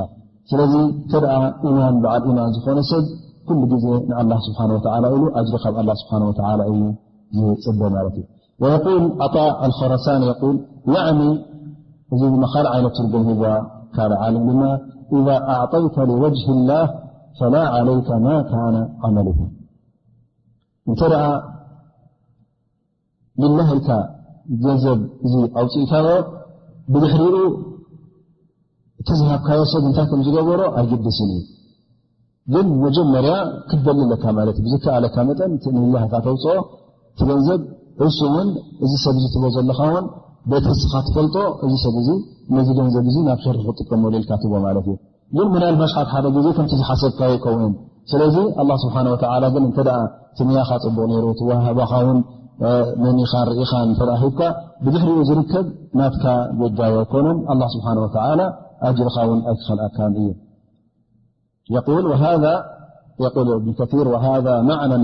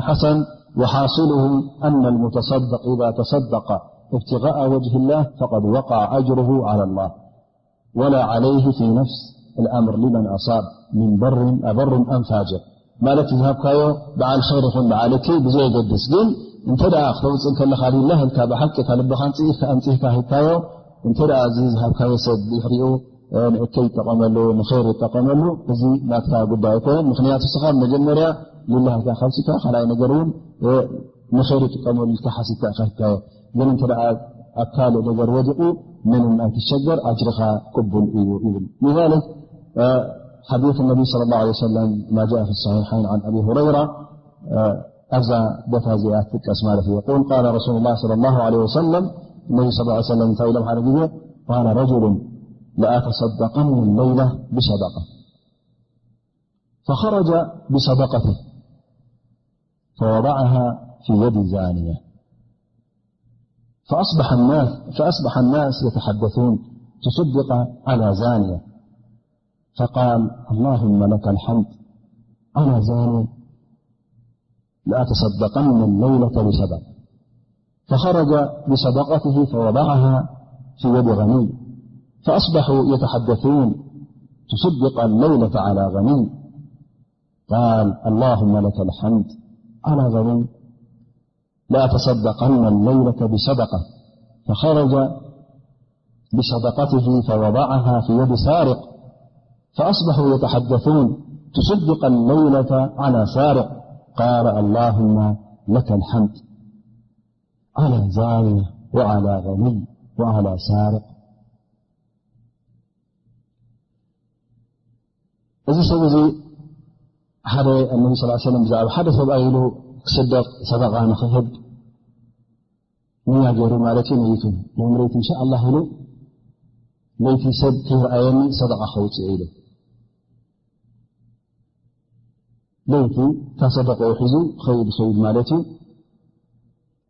ኣብ መንገዲ ሓንቲ ሰበይቲ ይረክብ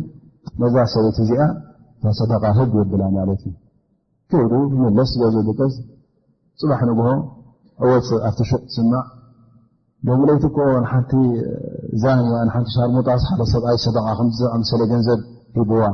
ሰደቃ ኢሉ ሂብዋ ክበሃል ይስማዕ ማለት እዩ ተዓዲ ማለት እዩ እሱ ከምዝሃበ ጥራይ ስለዝፈልጣ ኣላሁማ ለከ ሓምድ ኣናዛሞ ኢሉ እዚ ኩሉ ለይቲ ወፅ ኣቢለ ዚ ናብ ሸርሙጣ ኮይና ኣላማ ለከ ሓምድ ሓምደላ ኢሉ ማለት እዩ ሞዚኣስ ኣኪድ ተፊኣ ማለት ይኮንት ኢሉ እሞ ላስ ኣ ተሰደቀን ለላ ኣ ሓሊፋ ሎ መዓልቲ ሎም ለይቲ ድማ እንሻ ላ እ ሰደቃ ከውፅእ ኢሉ ይበገስ ማለት እዩ ይወፅእ ለይቲ ይኸይድ ይኸይድ ይደሊ ኣብ መንገዲ ሓደ ረኺብ ማለት እዩ ለይቲ እውን መፅኡ ሓንደ ኳሕኩሑ ማለት እዩ እታ እዚኣ ሰደቃልላ ኢሉ ይህቦ ማለት እዩ ንሓደ ወይ ግ ወይ ይመለስ ማለት እዩ ፅባሕ ንግ ምስ ወገሐ እንታይ ስማ ትሰድቀ ለይለተ ዓላ ኒ ሎም መዓልቲ ሓደ ሃፍታም ሰብኣይ ድማ ሰደቃ ዓባይ ሰደቃ መፅኣቶ ሰደቃ ኢሉ ሓደ ሂብዎ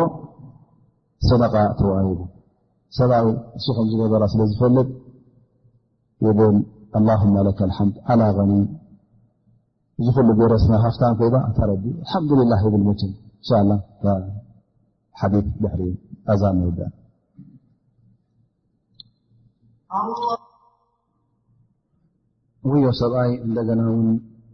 ተረኣያታ ጉዳይ ክልተ ለይቲ ዝሃበን ሰደቃ እዚአን ድማ ኮንቱ ኮይደን ኢሉ እሞ ብርዱ ሎም ለይቲ ውን እንታይ ደ ክገብር ኢሉ ንዓን ክትክእ ኢሉ ሎም መዓልቲ እውን ሰደቃ ከውፅኤ ኢሉ ማለት እዩ ካብ ቤት ይወፅእ ሰደቑኡ ንኽህብ ንመንገዲ ሓደ ሰራቂ ለይቲ ብፀልማ ክሰደቕ ኢሉ ዝወፅ ኸውን ጥዑይ ሰብ መሲልዎ ድማ ነዚ ሰብ እዙ ይቦ ማለት እዩ እወጥእ እወግሕ ማለት እዩ ንግሁ ምስተወገግሐ ድማ ትስዲቀ ልዮማ ዓላ ሳርቅ ክበሃል ይሰምዕ ማለት እዩ ሎም ለይቲ ድማ ሌባ ድማ ሰደቃ ረኪቡ ክንዝኣመሰለ ሰደቃ ዓብ ሰደቃ መፅያቶ ክበሃል ሰሚዑ ተረኣያ ትገባ ኩዳ ኣላ ለከልሓምድ ኣንታ ረቢ ሓምዱላ ኢሉ ዓላ ዛኑ ዓላ ኒይ ዓላ ፈቂር ኢሉ ቲ ጉዳይ ናቱ ኣተሓሳሲብዎ ማለት እዩ ላኪን ብድሕሪኡ ተፀዊዑ ማለት እዩ ሰብ ዙ ሰደቃካኮ ተቐቢላ እያ ኣላ ስብሓን ወተላ ዝሃብካ ሰደቃ ኩሉ ተቐቢልዎ እዩ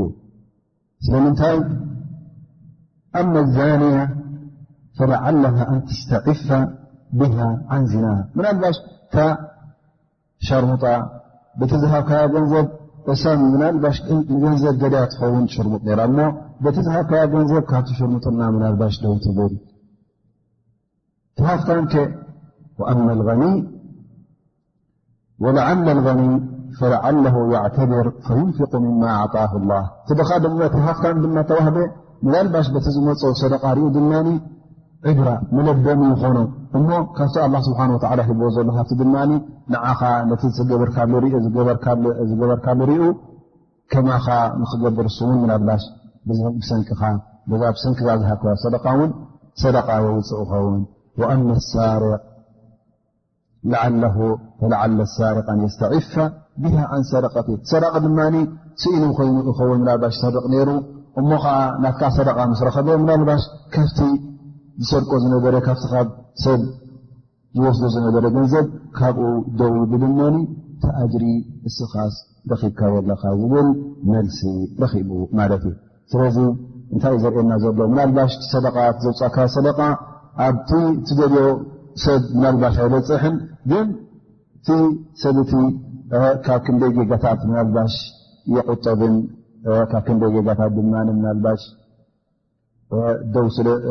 ምናልባሽ ደው ይብልን እሞ እስኻ እቲ ኣጅርኻ ቀፃሊ ምኳኑ እቲ ዝሃብካዮ ውን ኮንቶ ከምዘይጠፍእ እንተ ሊላ ኢልካ ዝገበርካዮ ኮንካ ማ የል ስብሓ ሃ ኣያ ወማ ትንፍቁ ምን ኸይር ይወፋ ኢለይኩም ወኣንቱም ላ ትብለሙን ዝኾነ ይኹን ሰናይ ይዕበይናሽ ማ ትንፍቁ ምን ይር ዝኾነ ይኹን ማል እተውፅዎ ይወፋ ኢለይኩም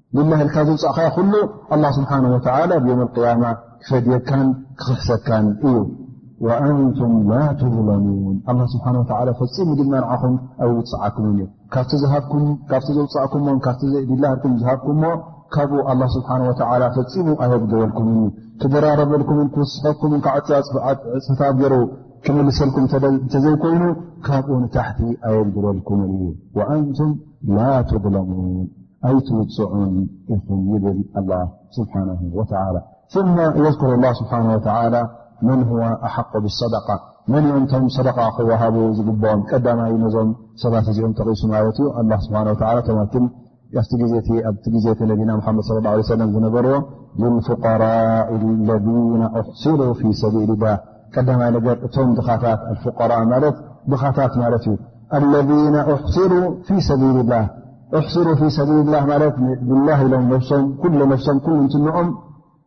ናብ ኣላ ስብሓን ወተላ ዘቕረቡ ማለት እዩ ኣይሰርሑ ኣይብሉ እንታይ ደኣ ንብላ ስብሓን ወላ ጅሃድ ተኮይኑ ኣብ ጅሃድ ንክርከቡ ኣብ ዳዕዋ እተ ኮይኑ ኣብ ዳዕዋ ንክርከቡ ነብሶም ዘወፈዩ ማለት እዩ ልፍقራء ለذነ ኣሕስሩ ፊ ሰቢል ላህ ወሰኡና ቲ ግዜ ነቢና ሓመድ ص ሰለ መን ነሮም ብቐንዲ ብዝያዳ እቶም ካብ መካ ዝመፁ ሙሃጅሪን መዲና ምስ መፁ ኣብኡ ሓዱሽ ዓዲ ስለ ዝኾነ ዘይፈልጥዎ ዓዲ ነሩ ስራሕ ዝፈልጥዎ ስራሕ የብሎምን መፅኦም ንምንታይ መፅኦም ንልላ እዮም ሃጅሮም ማለት እዩ ምስ መፁ ድማ ብጀካቲ ነቢና ሓመድ صለ ه ሰለ ትእዞም ነበረ ንጅሃድ ክወፁ ንሃድ ተዘይኮይኑ ንዳዕዋ ንክወፁ ናብ ዳዕዋ እተዘይኮይኑ ካልእ ስራሕ ኣይነበሮምን ሃؤላء እንቀጠዑ ኢለ ላህ ማለት ንልላህ ስብሓን ወተላ ካብ ዓዶም ማሎምን ገንዘቡን ንብረቶም ን ልላህ ኢሎም ንመዲና ዝሓለፉ እዞም ሰባት እዚኦም ቀዳምነት ኣለዎም ኢሉ ኣላ ስብሓን ወተላ ኣብዚ ኣያ እዚኣ ጠቕሶም እሶም ብዝያዳ ሰረቓ ክወሃቡ ከም ዘለዎም ልልፍቀራء ለذነ ኣሕስሩ ፊ ሰቢል ላህ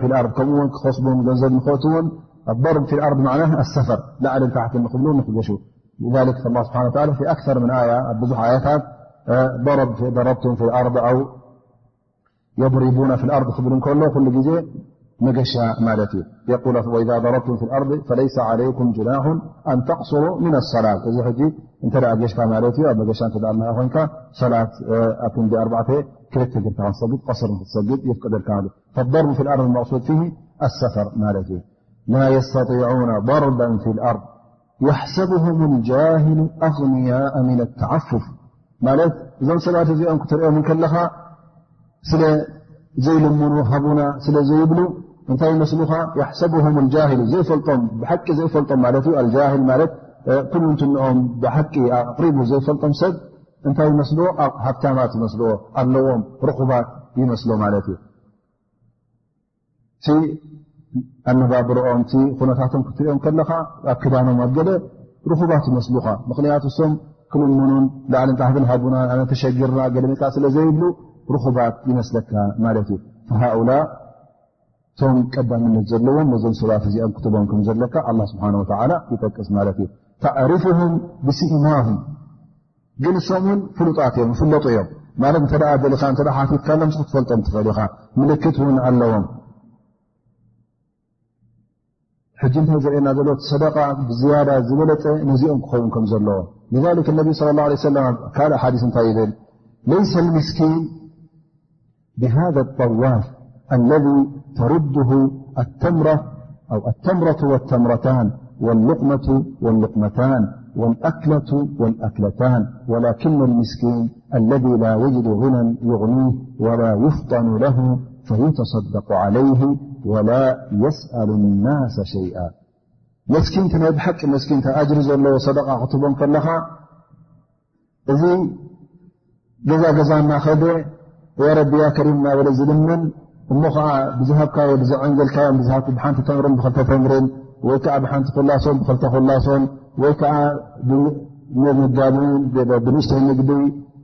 ምሃብን ብኡ ዝምለስ ንዓዓ ዝቕበል ኣይኮነን መስኪን ዝበሃል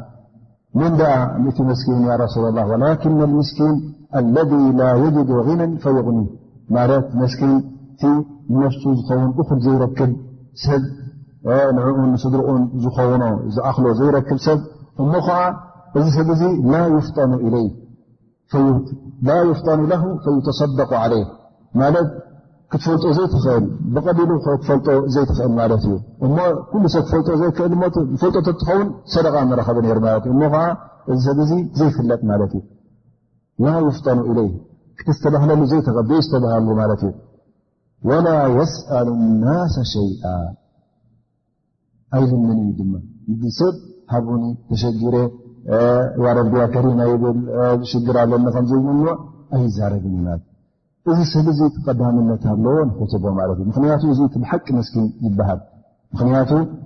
ክልምን ኣይደሊ ን ዓፋ ስለ ዘለዎ ነታ ነብሱ ከውድቓን ክሕሰራን ስለ ዘይደሊ ክሓትት እውን እዚ ዝላ ስለዝኾነ ዝስምዖ ሕስረት ምዃኑ ስለ ዝስምዖ ኣላ ስብሓን ወተላ ክትልምን ስለ ዘይፈቱ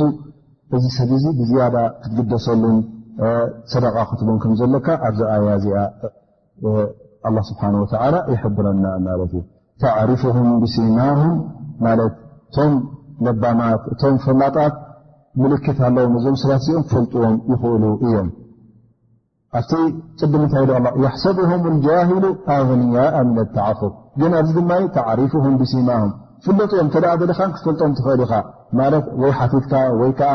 ሓደ ሰብ እተ ለባም ኮይኑ መን ስራሕ ዘለ ካብ ስራሕ ወፀን ካብ ስራሕ ወፅ ወላ እናስርሐ ከለውን መሃይ ውን እቶትን ስለ ዝፈልጥ መን ሽግር ዘሎ ናብ ሽግር ዘየሎም ክፈልጥ ዝኽእል ማለት እዩ እዚኦም ውን ይፍለጡ እዮም ከማ ቃል ስብሓ ታ ውን ሲማም ፊ ውጅህም ኢሉ ተስተጢዕ ኣን ተተፈረሰ ፊ ወጅሂ ኣነ ሙሕታጅ ካብቲ ንኦም ዘ ብፈላሊ ድማ ላ የስኣሉና ናሰ ኢልሓፋ እዞም ሰባት እዚኦም ድማ ላ ይውርሑና ሃበና ኢሎም ኣይልምኑን እዮም እንተኾን ካየትበል ኢሎም ተመላሊሶም ከዓ ሃበና ሃበን ኢሎም ኣይልምኑን እዮም ወላ የስኣሉነ ማ ላ የሕታጁነ ኢለይ ዘየድልዮም ነገር ድማ ሃበና እንከለዎም ሃበና ይብሉ ዘየድልዮም ነገር ዘይሓቱ ማለት እንተ ንእሽተ ነገር ትዕንግሎም እተ ረኪቦም ኣደቦም ገይሮም ኣብ ገዝኦም ዝውዕሉ ማለት እዩ ስለዚ እንተ ሓደ ሰብ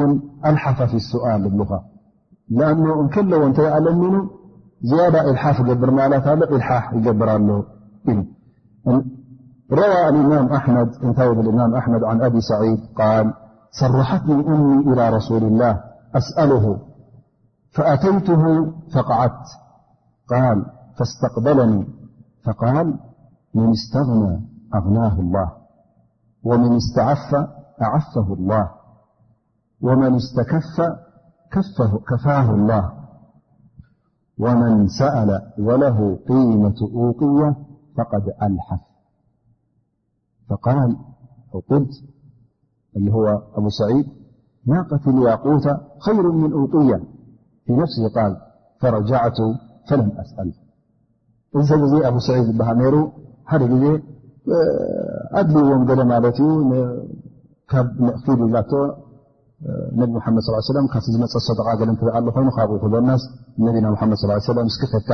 ሃበና በሎ ክተተለኒ ንብላቶ ማለት እዩ እዚ ሰብ እዚ ከይዱ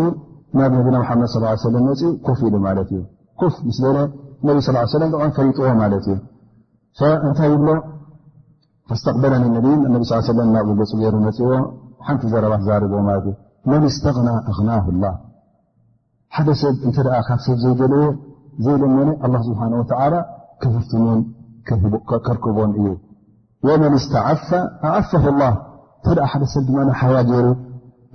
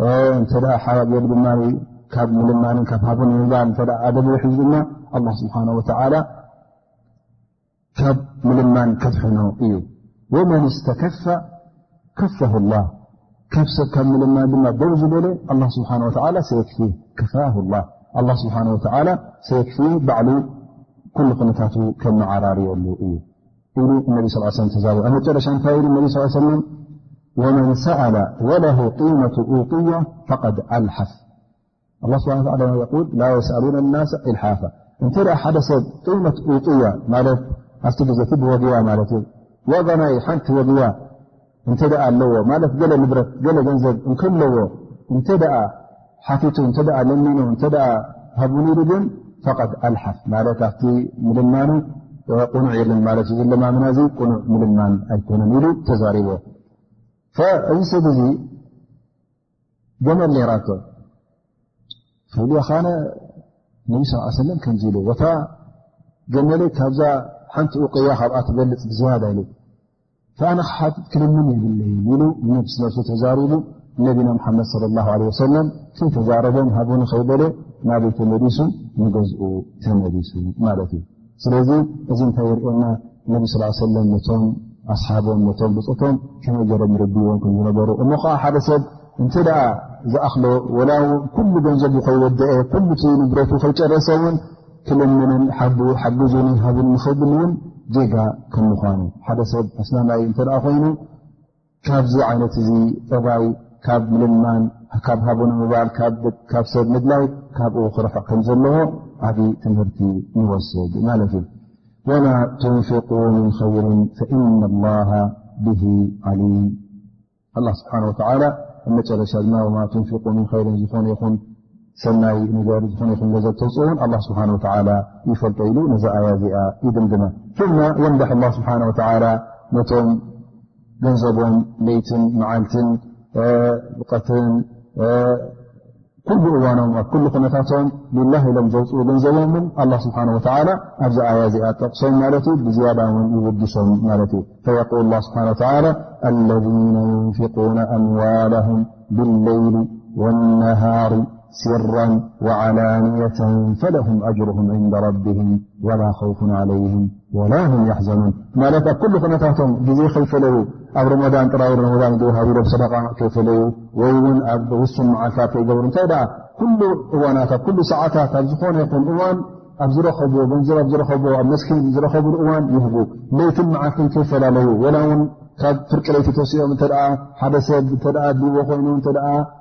በዓል ሓጃ ኮይኑ ነዚ ሰብ እዚ እውን ለይትን መዓልትን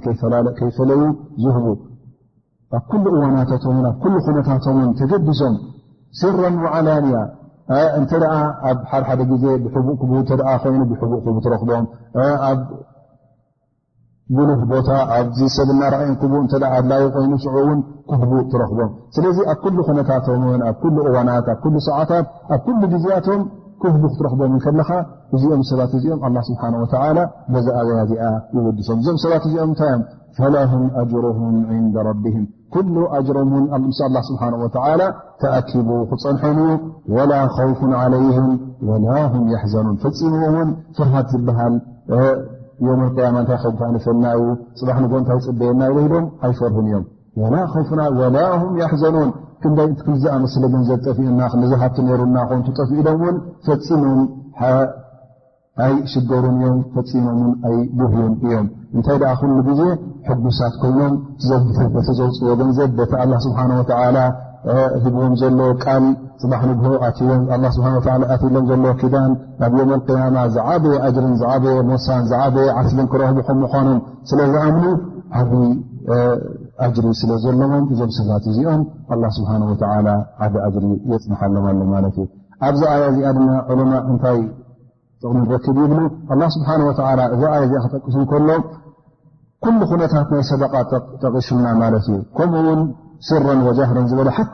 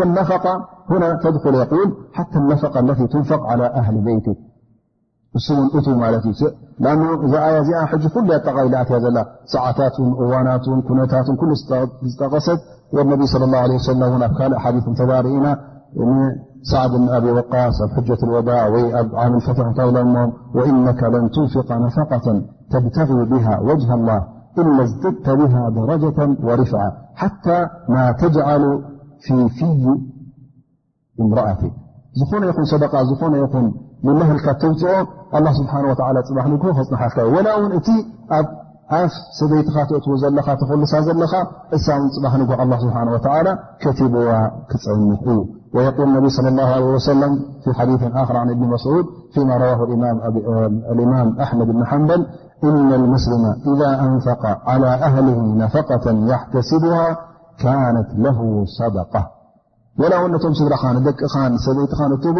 እንተ ኣ ንልላ ኢልካ ትገብሮ ኣለካ ኮንካ ልበኻ ንፅህካ እሞ እዞም ሰባት እዚኦም ኣነ ናቶም መስኡልያ ናቶም ሓላፍነት ተሰኪመ ኣለኹ እሞ ኣጀር ንክረክብ ነዞም ሰባት እዚኦም ፅቡቕ ክዓብዩለይ ከይሓሙ ከየብውልካ እተ ፅቡቕ ጌርካ ናቢኻዮም ልላ ኢልካ እተ ኣቅሪብካሎም ኣላ ስብሓን ወተላ ፅባሕ ንጎዚ ጉዳይ ዚ ሰደቃ ገይሩ ክሓስበልካ እዩ ኣጅርኻ እውን ክፅበየካ እዩ ኣብ ዮም ቅያማ ተኣኪብልካ ተኸሚሩ ክፀንሕ እዩ። ናይ ሎምዓት ደርሰና በዚ ይድምደም። ግዜ ናይ ቃናውን ኣኺሉ ይኸውን እዩ። ስለዚ ምናልባሽ ሰለስተ ደቂቕ ተባሂልና ኣለና በዚ ይድምደም። እዘን ሰለስተ ደቂቕ እንሻ ላ ተን ሎምዓት ሒዛ ዘለና ተን ፍርይ ፍርይ ዝበላ ፋይዳ ንኣን ነምፅ ማለት እዩ።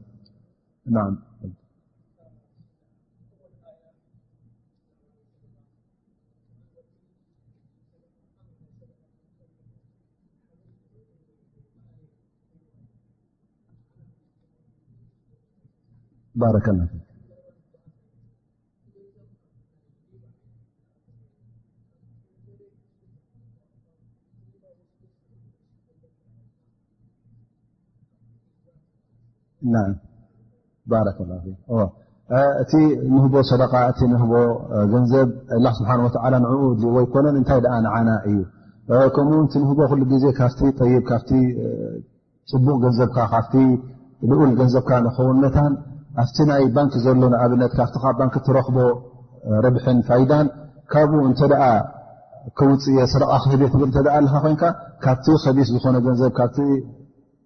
እከይ ዝኮነ ገንዘብ ኢካ ተውፅእ ዘለካ እዚ ድማ ኣላ ስብሓን ወተላ ኣይቅበሎን እዩ ስለዚ እንተ ገንዘብካ ኣብ ባንክ ሎ ኮይኑ ወላ እውን ንዓኻ ኣይትውሰዶ ኣ እምበር እሞ ካብቲ ዝኸሰብክዎ ካብኡ ሰደቃ ክህብ እየ ኣጅሪ ክሕሰበለይ ትብል ኣለካ ኮይንካ ሰደቃ ኣይክሕሰበልካን እዩ ኣጅሪ እውን ኣይክትረክበሉን ኢኻ